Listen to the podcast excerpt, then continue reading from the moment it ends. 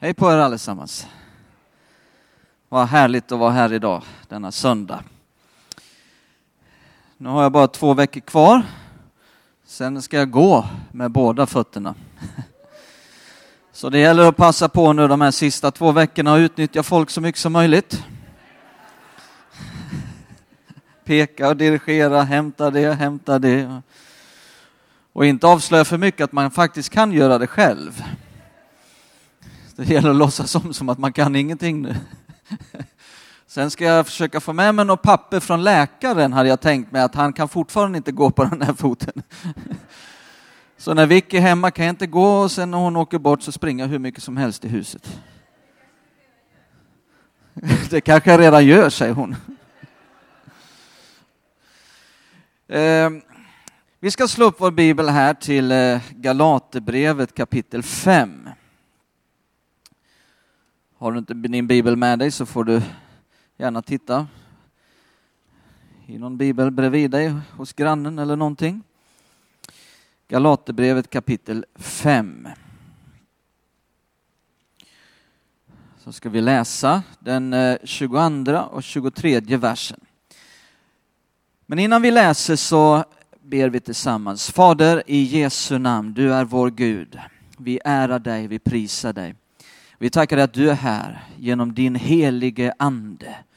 Eh, och, och, vi ber att du ska tala till oss. Vi har inte kommit hit för att söka någon människa, utan vi kommer för att söka dig. Vi vill höra från dig. Eh, vi vill att du ska verka så som du alltid har gjort.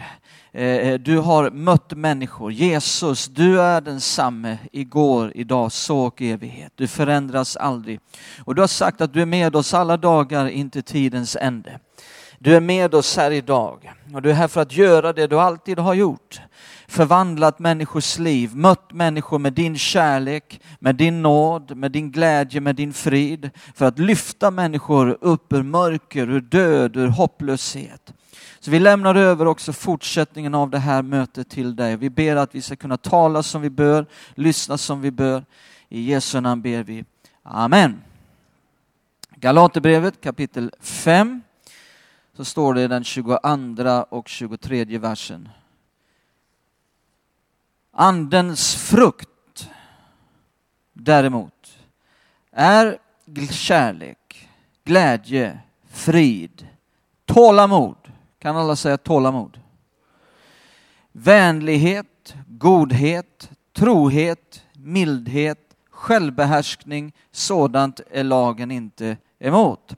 Här ser vi då att en av andens frukter, frukterna av ett andligt liv där man lever i ett intimt förhållande med Gud, eh, är tålamod. Det är en andens frukt.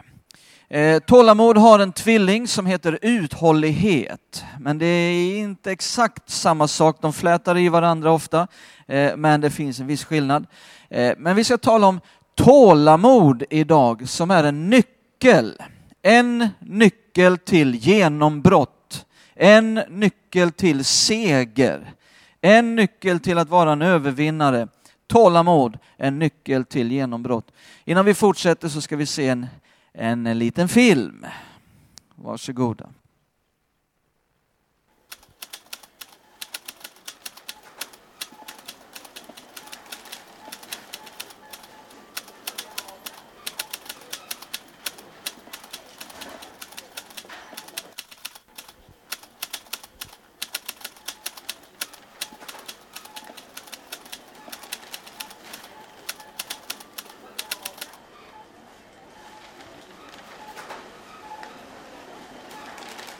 Hej, hej! Vi står här nu på Ilens esplanad och vi har hört att Skövdeborna har väldigt bra tålamod. Eh, så vi tänkte att vi eh, går ut och ser om detta stämmer. Eh, tycker du att du har bra tålamod? Ibland. Ibland. Kan du berätta för oss vad som får dig att tappa tålamodet? Oh, dumma människor i trafiken. Dumma människor i trafiken. Tack så jättemycket. Tycker du dig själv har bra tålamod? Nej, jag har inte så bra tålamod i många fall. Vad får dig att tappa tålamodet i så fall? Um, ja, det beror på. Segt folk eller sådana situationer, blir förbannad eller när saker inte fungerar brukar jag bli sur. När det inte funkar som det ska, det ska gå snabbt, tycker jag. Tack så jättemycket. Tack. Anser du att du har bra tålamod? beror på vad det gäller. Vad får dig att tappa tålamodet? Mm, ja, men om man håller på att pilla med något längre och aldrig får till det liksom, om man håller på att greja med något, då kan jag bli arg till slut. Tack så mycket. Eh, anser du att du har bra tålamod? Jajamensan, det har jag. Eh, vad får dig att tappa tålamodet? Ja, om någon blir riktigt arg på mig kan jag tänka mig. Men inte så där så att jag blir väldigt arg nå- eller tappar tålamodet helt och hållet. Men inte nu. Du anser dig vara en lugn och sansad person i alla fall? Något sånär. Tack så jättemycket. Eh, tycker du att du har bra tålamod? Nej. Inget. Jo, lite, men inte mycket. Eh, vad får dig att tappa tålamodet? Ja, du. Mycket. Mycket. Tack så jättemycket. Eh, tycker du att du har bra tålamod? Det är svårt att säga. Det, det är olika, det beror på hur man, eh, ja, hur man känner sig faktiskt. Ja, situation kanske. Ja. ja. Eh, vad får dig att tappa tålamodet? Om någon är väldigt dum. Det var tur att inte jag var det kanske då. Jag tyckte du verkar snäll. Tack så jättemycket. Tack. Eh, tycker du dig själv har bra tålamod? Ja, Eh, vad får dig att tappa tålamodet? när jag stöter på problem som jag inte kan lösa. Tack så jättemycket. Anser du att du har bra tålamod? Ja, Eh, vad får dig att tappa tålamodet? det vet jag inte. Ingenting? Jo, jag kommer inte på något nu. Om jag står tillräckligt länge kanske du tappar tålamodet? Nej, jag tror inte det. Jag tackar så mycket ändå. Tack. Tycker du att du har bra tålamod? Ibland. Det beror på situationen.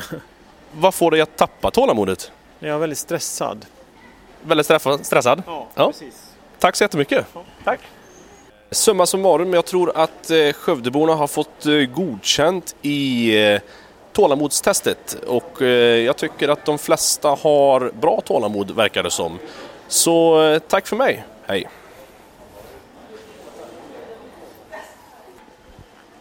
Ja, bra gjort. Ett, ett tiotal människor fick frågan och två svarade helt nej, det har jag inte alls. Två svarade eh, ja, bestämt, jag har tålamod och resten var ibland har de tålamod och det beror på, och det var lite tveksamt. Ehm, vi ska slå upp också Hebreerbrevet 6 så ska vi läsa om en man som hade tålamod. Eller lärde sig tålamod snarare.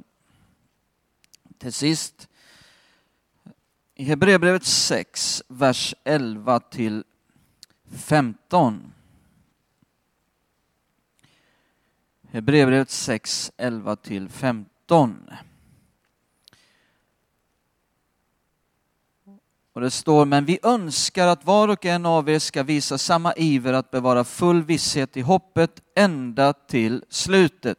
Så att ni inte blir tröga utan följer dem som genom tro och uthållighet får det utlovade arvet. I den här översättningen så står det tro och uthållighet. Men eh, eh andra översättningar säger tålamod. Och tittar man i den grekiska grundtexten för där det är översatt med uthållighet så är det samma ord som när det stod tålamod i anden, bland andens frukter. Så jag tror att bättre översatt här så står det att de som genom tro och tålamod fick det utlovade arvet. Ehm, det som hade lovats. Titta nu i vers 13. När Gud gav löftet åt Abraham, så det handlar om Abraham nu som har fått ett löfte av Gud. Svor han vid sig själv, han hade ju ingen högre att svära vid. Han sa, jag ska rikligt välsigna dig och rikligt föröka dig. Så fick Abraham efter tålig väntan vad Gud hade lovat. Gud, eh, Abraham fick vad Gud hade lovat, men efter tålig väntan, står det. Eh, Så Abraham var en som eh, hade tålamod i sitt liv. Gud hade gett enorma löften till Abraham, om vi kan storyn. Va? Enorma löften hade Abraham fått. Men bara för att han hade fått de här löftena eh, så kom de inte automatiskt in i hans liv. Utan det fanns ett gensvar i Abrahams liv som blev viktigt för seger, som blev viktigt för genombrott. Eh, den ena ingrediensen var tro. Den ska vi inte tala om idag. Den andra ingrediensen var tålamod. Tro och tålamod. Tålamod är en nyckel. Inte den enda, men det är en nyckel, en viktig sådan, till genombrott och seger. Varför verkar det då så svårt att eh, ha tålamod i sitt liv, att utvecklas i tålamod? Jag ska ge dig två saker som kan vara ett svar på varför det är så svårt för människor att komma in i det här med tålamod. Vi såg här att det fanns en gammal man här uppe och han, ja, ja till sist, han, han eh, eh, viskade fram det numera. Eh, men jag tror att det var en man som efter långt liv har lärt sig tålamod. Varför verkar det så svårt eh, att utveckla sitt tålamod? Det ena, det är att det verkar vara emot den mänskliga naturen. Det verkar vara emot den mänskliga naturen. Vi föds ju inte direkt med tålamod, har du lagt märke till det? En bebis som vaknar på natten hungrig ligger inte där och tänker mamma och pappa ligger och sover. De är säkert trötta.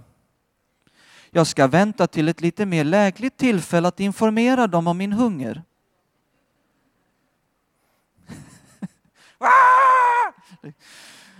Där börjar vi. Vi föds inte med tålamod, det är inte någonting som ligger i själva naturen. Eh, jag kommer ihåg vår lilla Alice när hon var fyra år. Så skulle hon be för Dennis. Ja, det är en tre, fyra år sedan. Hon skulle be för Dennis som hade ont i magen, va? han hade något magprov. Eh, eh och, och, och så, så ber Alice en trosfrisk bön. Jesus, gör så att Dennis inte längre har ont i sin mage. Ja, men gör något då! Lägger hon till på slutet. Det fanns inget tålamod, det fanns tro, men det fanns inte tålamod. Eh, eh, sen eh, hörde jag talas om en annan femåring som var ute och åkte en lång resa. De skulle ut på lång resa, han och mamma, i bilen. Och, och var tionde minut så sa den här femåriga pojken, är vi framme snart?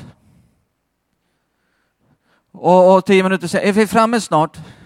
När är vi framme? Är vi framme snart? Och så här höll han på var tionde minut här i ett par, tre timmar och till slut så tappade mamman tålamodet. Och hon röt i bilen. Nu får det räcka, jag vill inte höra det där mer. Vi har 16 mil kvar och jag vill inte höra det där mer när vi är framme snart. Det blev knäppt tyst i baksätet. Efter ett längre tystnad så säger den lilla pojken förskrämt, mamma, kommer jag fortfarande att vara fem år när vi kommer fram?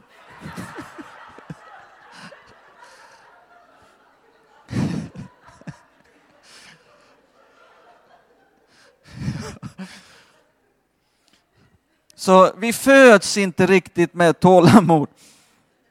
Det är mot människans natur. Men det verkar också vara nummer två. Varför är det så svårt att utveckla sitt tålamod? Det är mot vår natur, men det verkar också vara emot vår kultur. Nu har jag märkt att Skövdeborna är lite lugnare än stockholmarna. Tack och lov, vi älskar det. Eh, men eh, jag måste säga att även i Skövde så får man konstatera att vi lever inte i en kultur, vi lever inte direkt i ett direkt avslappnat, tillbakalutat samhälle.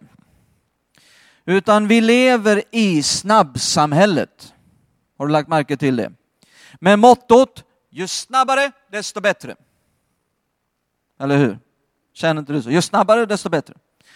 Så lever vi i vår kultur. Vi tycker om snabbmat. Vi vill gärna gå på snabbköp. Snabbkassan vill vi helst. Människor pratar om att de ska snabbbanta. Det tog eh, 15 år för dem att lägga på allt det där, men det ska bort på två veckor. Eh, nu är det en del som skrattar nervöst här. Man eh, tycker om snabbladdare. Vill åka med snabbtåget. Ska gå på snabbdejt. Får inte ta någon längre tid. Snabbleverans vill vi ha. Snabb analys. Snabblån kan folk få. Snabbmontering. Man vill ha snabb dator med snabb funktion, snabbfunktioner, snabb skrivare, snabb uppkoppling. Man vill åka i snabb bil. Man vill göra snabba affärer, snabba karriärer. Vi kräver snabb service, snabb förklaring, snabb genomgång, snabb återkastning, snabba lösningar. Inte undra på att vi slut får snabba andetag och snabba hjärtslag. Det var väldigt skönt när jag en gång kom till Norrland. De har en liten annan kultur där. Jag skulle predika i Bjurholm. Där fanns en norrlänning, han, han sa så här, ursäkta. Jag har vuxit upp i Skåne så jag kan inte härma det här riktigt. Ursäkta att jag låter lite stressad.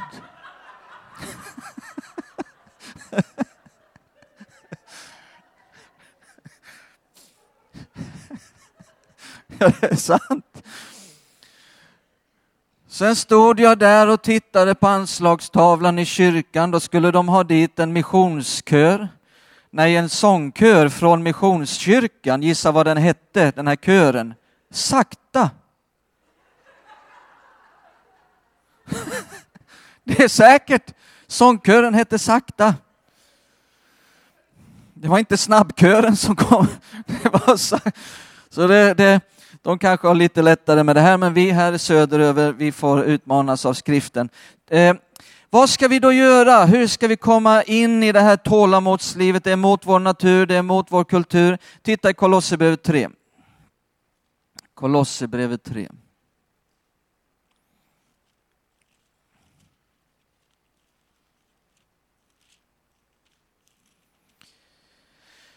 Och då står det i vers 12. Kolosserbrevet 3 och 12. Kolosserbrevet 3 och 12. Klä er. Lägg märke till att det handlar om att klä på sig någonting. Klä er därför som Guds utvalda, heliga och älskade i innerlig barmhärtighet, godhet, ödmjukhet, mildhet och sist men inte minst tålamod. Klä er i tålamod.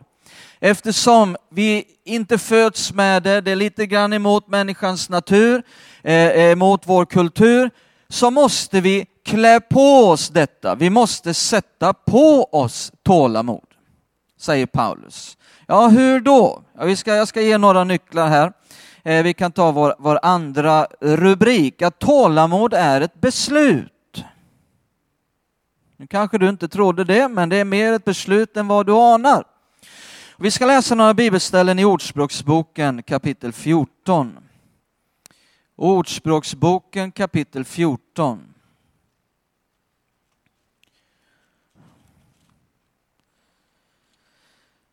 Ordspråksboken 14 och 29. Tålamod är en nyckel till seger. Alla som vill ha seger och genombrott här inne behöver tålamod. Ordspråksboken 14 och vers 29 så står det den som är långmodig, eller ett annat ord för tålamod, långmodig. Den som är långmodig eller tålamodig har gott förstånd.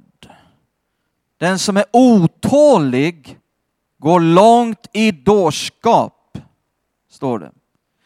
Eh, Så när du är otålig, då är du en dåre, säger Bibeln. Eh, Den som har tålamod är vis. Och vi finner också motsatsen till tålamod, det är otålighet. Det är smart att ha tålamod. Det är osmart att vara otålig. Titta i kapitel 15, vi bara lär oss lite i taget här. Ordspråksboken 15 och vers 18. Så står det, en hetlevrad man uppväcker träta. Den långmodige stillar kiv. Så här har vi en annan motsats till tålamod och det är hetlevrad. Här är inte motsatsen otålig utan hetlevrad. Otålighet uttrycker sig nämligen ofta i kiv och vrede som vi också hörde här på filmen att jag blir arg och jag blir arg, man tappar tålamodet. Tålamod däremot, eh, det är ju så här, tålamod manifesteras ju inte förrän det finns ett tryck på ditt liv.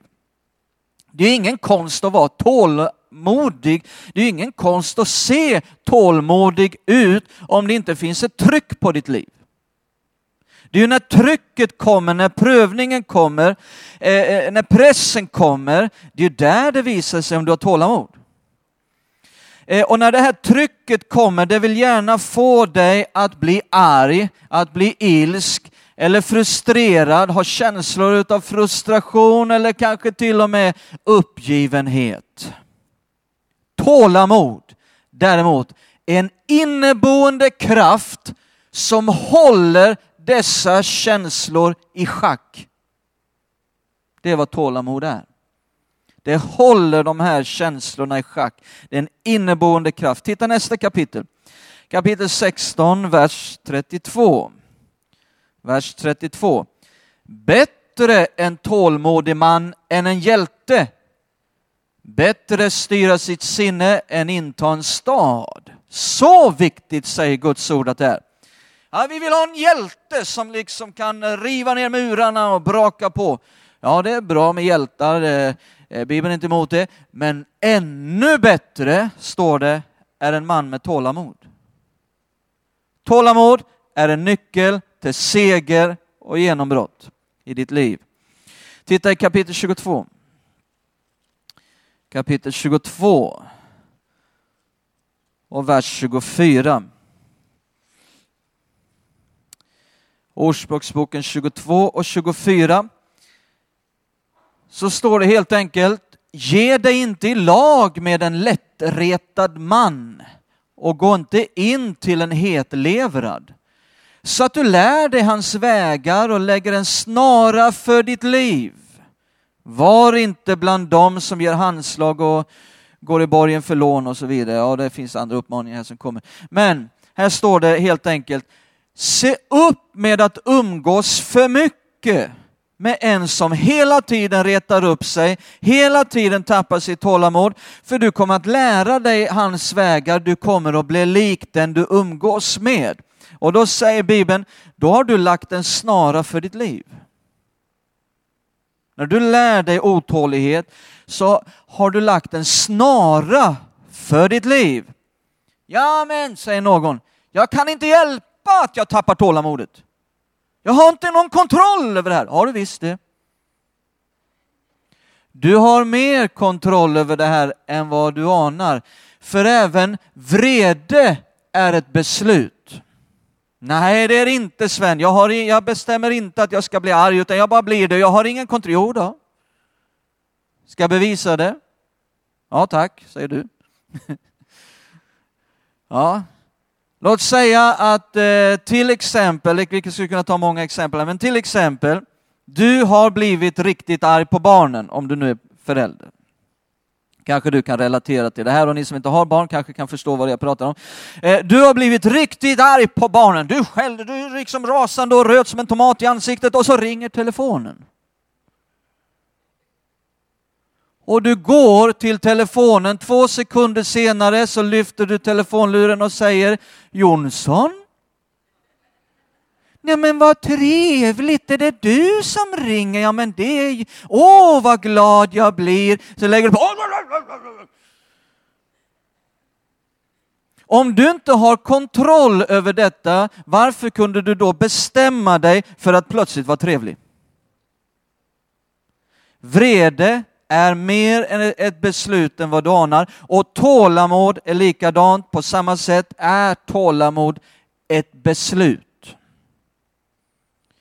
Lever du inte med Gud, har du inte en intim relation med honom så blir det svårare, men det är mer ett beslut. Du kommer få lättare att bestämma dig för tålamod ju närmare Gud du lever. Men det är ett beslut. Hur, hur, vad mer kan vi säga om att ikläda oss detta? Vi börjar förstå att det är ett beslut. Hur ikläder jag mig tålamod? Jo, vi talade om att det fanns en relation mellan tro och tålamod. Abraham hade två ingredienser, tro och tålamod. Det finns en relation mellan tro och tålamod som blir viktig att förstå när vi nu ska ikläda oss tålamod. Det finns ett ömsesidigt beroende mellan tro och tålamod. Tro, nummer ett. Tro kan inte fungera utan tålamod. Du har inte mer tro än vad du har tålamod. Hur länge kan du stå i tro? En del de kan stå i tro som Alice i två sekunder.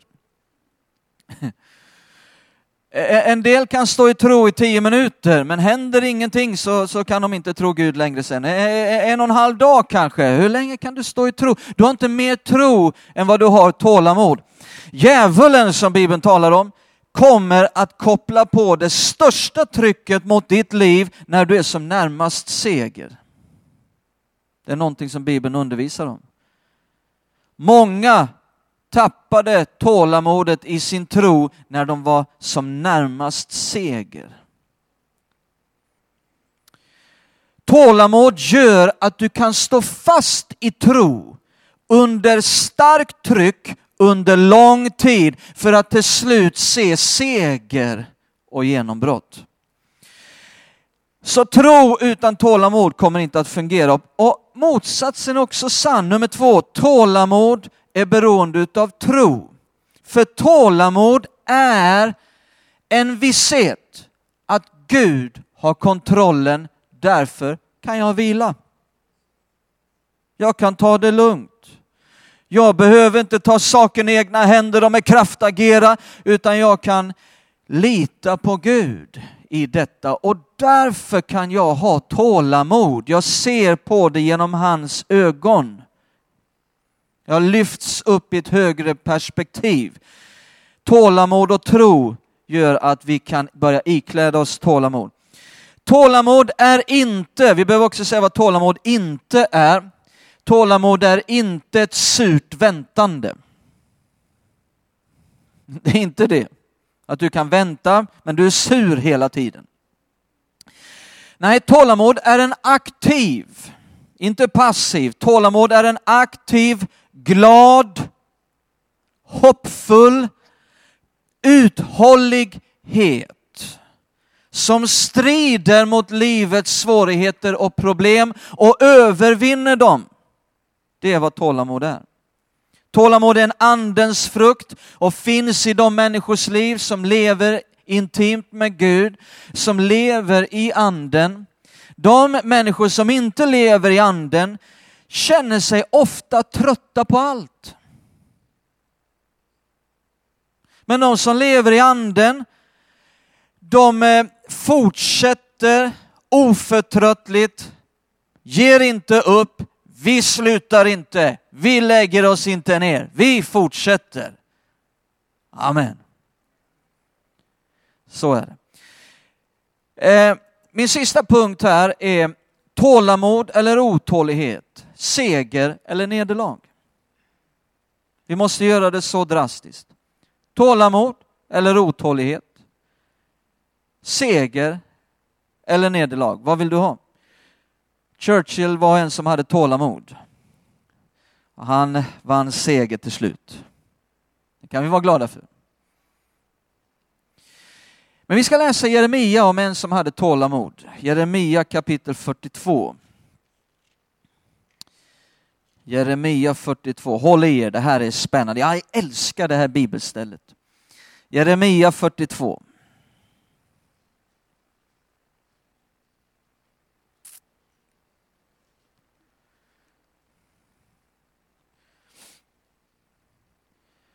Jeremia 42. Vi börjar från första versen så får vi hela storyn. Vers 1.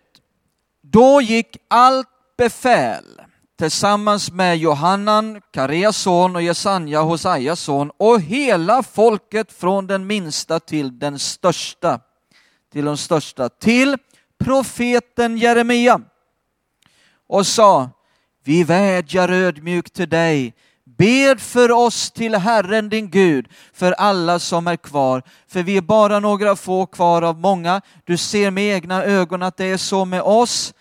Må Herren din Gud tala om för oss vilken väg vi ska gå och vad vi ska göra.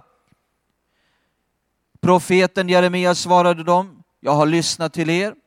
Jag ska be till Herren, er Gud, så som ni har begärt. Vad Herren än svarar ska jag tala om för er utan att dölja något.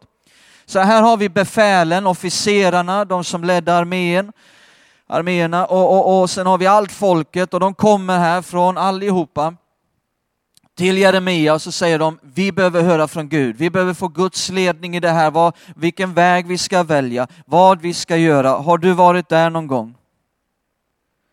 När du känner Gud tala till mig, Gud led mig, vart ska jag gå, vad ska jag göra, vad ska jag välja? På den här tiden fick de åka 20 mil och fråga profeten, men vi lever inte under gamla förbundet. Du som är frälst har en direkt linje och kan söka Gud. Är det inte det underbart? Vi lever i ett nytt förbund som ett bättre förbund under bättre luften. Men det finns någonting i Jeremias liv som du också då kan eh, bära med dig här. Han säger, ja, visst, vi tror på Gud. Han kommer att tala och jag ska berätta för er allt vad Gud säger. Ehm, och då måste vi fråga oss då, behövs det tålamod för att höra från Gud? Om vi ska vara ledda av den helige ande, behövs det tålamod? Ja, ett liv där vi är ledda av den helige ande, eh, så är vi helt beroende av tålamod. Därför att Gud själv är nämligen fylld av tålamod. Är du glad för det? Att han inte klubbar dig i huvudet med ett gigantiskt baseballträ så fort du gjorde fel. Nej, Bibeln säger att han är långmodig och sen till vrede. Är vi glada för det? Vi kan vara väldigt glada för det. Så den som vill ha med Gud att göra får snällt anpassa sig efter honom. Den som vill vandra med honom får snällt anpassa sig efter honom. Det är så här med Gud, lyssna på mig noga. Gud säger att han ska göra någonting. Och sanna mina ord, tusen år senare händer det.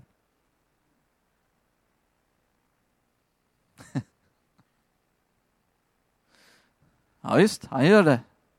Tusen år senare. Titta nu här i vers 7. Vers 7, vi hoppar fram. Profeten Jeremia går iväg. Han ska be till Gud. Och då står det i vers 7, håll i dig nu, håll i din granne så att han trillar av bänken.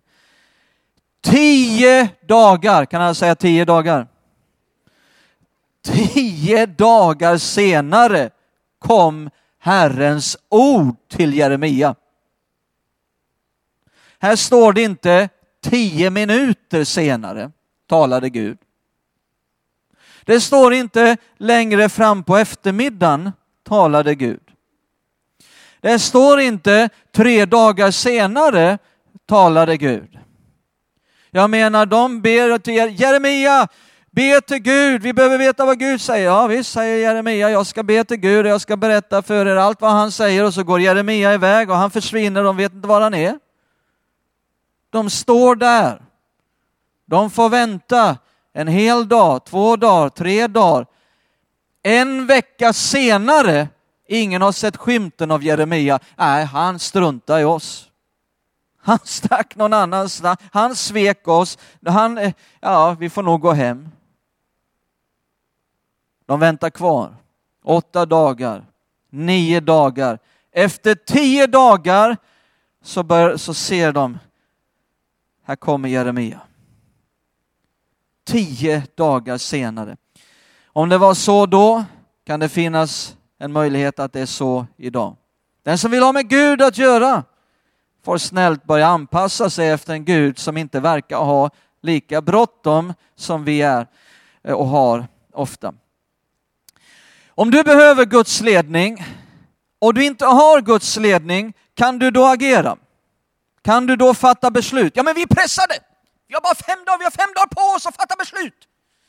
Vi har en deadline Sven! Vi har en deadline!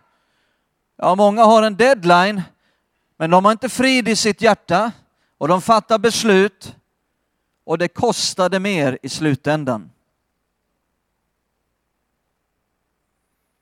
Titta nu i psalm 25.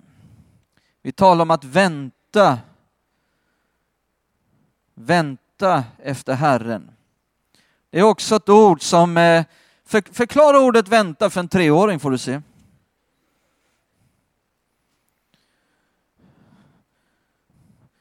Min fru försöker fortfarande förklara det för mig. Psalm 25. Psalm 25, vers 3. Då står det i psalm 25, vers 3. Nej, ingen kommer på skam som hoppas på dig. På skam kommer de som utan orsak handlar svekfullt. Eh, här där det står hoppas på dig, i andra översättningar står det väntar på dig. Jag skulle vilja använda det ordet istället. Eh, alltså att de kommer inte på skam som väntar efter Herren. Ni som är äldre och känner till 1917 års översättning, ni känner till det här att vänta efter Herren. Eh, när ingen, som, ingen kommer på skam som väntar på dig. På skam kommer de som utan orsak handlar svekfullt. Och så står det i nästa vers, titta nu, här kommer det. Herre, visa mig dina vägar. Det är det vi talar om, att vara vägledd. Herre, visa mig dina vägar, lär mig dina stigar, led mig. Vill vi vara ledda av Gud? Alltså, led mig i din sanning och lär mig, ty jag, ty du är min frälsningsgud, på dig hoppas jag alltid. Eh, vänta efter Herren. Det här är ett uttryck som kommer tillbaka på flera ställen i Bibeln, att vänta efter Herren. Vad är det att vänta efter Herren? Jag ska illustrera det för dig. Titta på mig nu, titta inte på Simon. Vad är det att vänta efter Herren? Jag ska illustrera det för dig. Här kommer illustrationen. Nu var illustrationen färdig.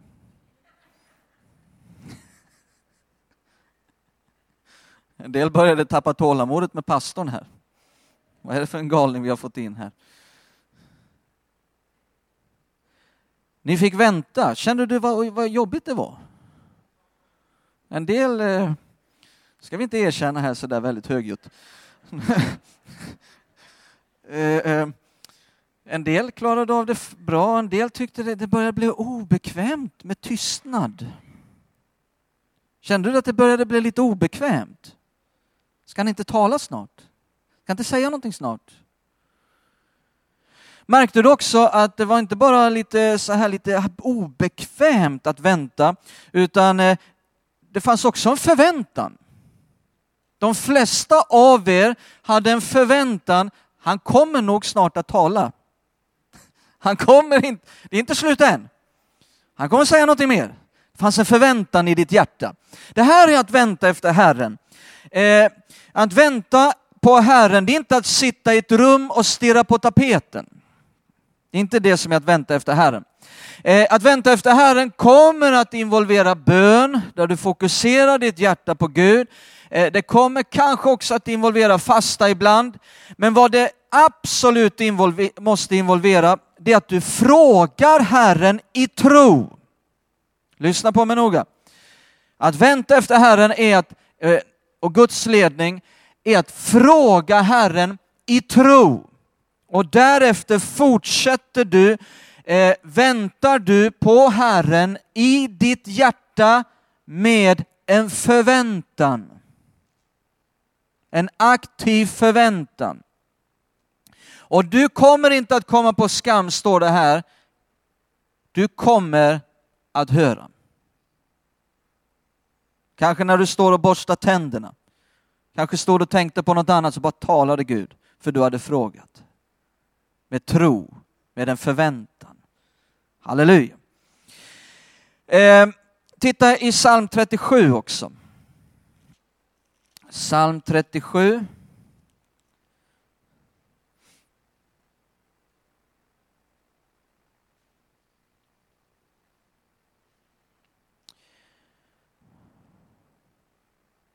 Vi läser från vers 1. Det här handlar om att vänta på Herren. Psalm 37 står det i vers 1 av David. Bli inte upprörd över de onda, avundas inte de som gör orätt. Tappa inte tålamodet. Vers 2, till snart klipps de av, likt gräs som gröna örter vissnar de.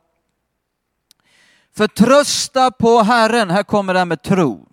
Förtrösta på Herren och gör det goda. Bli kvar i landet, rusa inte runt som en skållhet eh, figur. Bli kvar i landet, sträva efter trofasthet. Ha din glädje i Herren, han ska ge dig vad ditt hjärta begär. Så står det, överlämna din väg åt Herren, förtrösta på honom, han ska göra det. Han ska låta din rättfärdighet gå fram som ljuset, din rätt som middagens sken. Och så kommer det nu i vers 7. Var stilla inför Herren och vänta på honom. Var stilla inför honom och vänta på honom. Gräm dig inte över den som har framgång, över den som gör upp onda planer. Vänta på honom. Men du vet, vi gillar inte att vänta. De flesta av oss, jag tror inte det är någon som har sin hobby att vänta. Vänta, eh, eh, ibland till och med bara vid trafikljuset. Varför kallar de det här för trafikljus? Man borde kalla det för rödljus. Man gillar inte att vänta i åh, åh, tio meter kö här vid kassan. Kan de inte öppna fler kassor? Var finns det inga fler som jobbar här? Vänta i rusningstrafiken. Det här kanske inte är ett Skövde-fenomen, men i Stockholm, åh, människor gillar inte att vänta i rusningstrafiken. En del undrar, varför heter det rusningstrafik? Det rusar ju inte direkt fram. Kolatrafiken borde de kalla det för, seg. Vi gillar inte att vänta på bussen. Vänta för att få reda på om vi har fått ett jobb. Sitta och vänta hos läkaren i två timmar.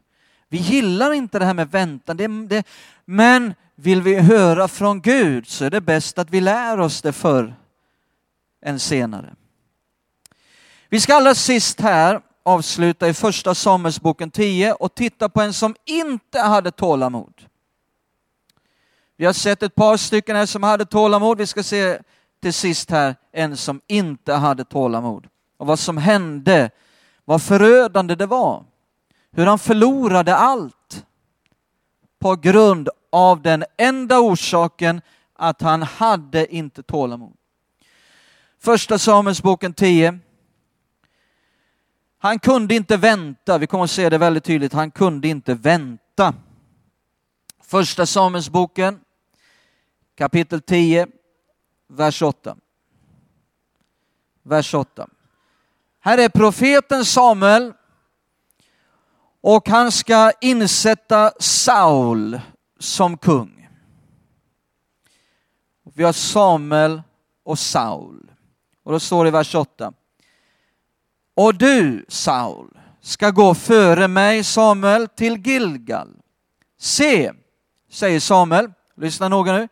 Jag ska komma ner till dig för att offra brännoffer och gemenskapsoffer. Du ska vänta, säger Samuel till Saul. Du ska vänta i sju dagar. Han är lite mindre än Jeremia, det var inte tio dagar, här var sju dagar. Du ska vänta, lägg märke till de orden, i sju dagar till dess jag kommer till dig och meddela vad du ska göra. Väldigt tydliga instruktioner. Nu går vi fram till kapitel 13. Så ska vi se hur det gick för Samuel. Vi läser från vers 4 som eh, första Samuelsboken 13 och vers 4. Så fick hela Israel höra att Saul hade angripit filisteernas utpost och att Israel genom detta hade blivit förhatligt för filisteerna. Folket kallades samman, kallades samman för att följa Saul till Gilgal. Var det här Gilgal som eh, Samuel pratade om. I vers 5 står det Filisteerna samlades då för att strida mot Israel med 30 000 vagnar och 6 000 ryttare och fotfolk så talrikt som sanden på havets strand. De drog upp och slog läger vid Mikmash öster om Betaven. När israeliterna såg att de var i nöd, de känner nöd och press, därför att folket ansattes så svårt, gömde de sig i grottor, i skogssnår och bland klipp klippor, i fasta valv och i gropar. De gömde sig över, de var pressade. Vers 7. Somliga av hebreerna gick över Jordan in i Gads och Gileads land, men Saul var fortfarande kvar i Gilgal och allt folket som följde honom bävade. Nu kommer det i vers 7. Han väntade. Han väntar, han väntade i sju dagar den bestämda tid Samuel hade angett. Men när Samuel ännu inte hade kommit till Gilgal började folket skingras och gå ifrån honom. Förstår ni Saul nu? Nu har han väntat i sju dagar. Samuel har inte dykt upp och nu är han pressad för nu börjar folket överge honom. Han hade väl stått och sagt att vi ska vänta på Samuel i sju dagar, men Samuel kom. Nu, börjar, nu är det en väldig press på hans liv. Ska han orka vänta mer? Och då står det här i, i nästa vers. Då sa Saul, för fram brännoffret och gemenskapsoffret till mig. Det var ju det som Samuel sa att han skulle offra, inte Saul. Därefter bar han fram brännoffret. Men just som han hade slutat offra kom Samuel. Kom Samuel. Då gick Saul och mötte honom för att hälsa på honom. Men Samuel frågade, vad har du gjort? Vad har du gjort? Saul svarade, när jag såg att folket skingrades och gick ifrån mig och du inte kom inom den bestämda tiden medan filisterna samlades vid Mikmash, tänkte jag, nu kommer filisterna ner hit mot mig i Gilgal och jag har ännu inte bett om Herrens hjälp. Då tog jag mod till mig och offrade brännoffret. Samuel sa, du har handlat dåraktigt. När du tappar tålamodet är du en dåre. Du har handlat dåraktigt. Du har inte hållit det bud Herren din Gud har gett dig. Om du hade gjort det skulle Herren ha befäst ditt kungadöme över Israel för all framtid. Men nu ska ditt kungadöme tas ifrån dig. Nu ska ditt kungadöme inte bestå. Herren har sökt sig en man efter sitt hjärta och det var David. Och honom har han utsett det första över sitt folk, men du har inte hållit vad Herren befallt dig. Otålighet skapar förödelse. På den här gamla tiden, under de här gamla förhållandena som eh, eh, var på det sättet på den tiden. Men det är likadant idag som det var för Saul på den tiden. Otålighet skapar förödelse. Saul förlorade hela kungariket. När du förlorar tålamodet förlorar du. Tålamod eller otålighet, seger eller nederlag. Och här säger Samuel, Gud har sett ut en annan man, David, en man efter sitt eget hjärta. Och kan vi säga att David hade tålamod? Oh, vilket tålamod! Samuel smorde David till kung. Och vad hände sen? David fick vänta i åratal innan han blev kung.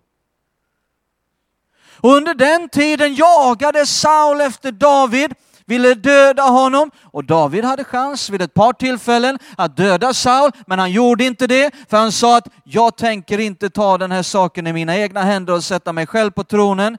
Jag väntar till det blir Guds tid. Jag väntar. Gud måste göra det här. Han hade tålamod. Han hade ett hjärta efter Guds hjärta. Och låt mig säga det här till sist. De bästa sakerna i livet kommer du alltid att få vänta på. Sista sanningen jag vill lära dig. De bästa sakerna i ditt liv kommer du att få vänta på. Kommer att ta lång tid innan du är där.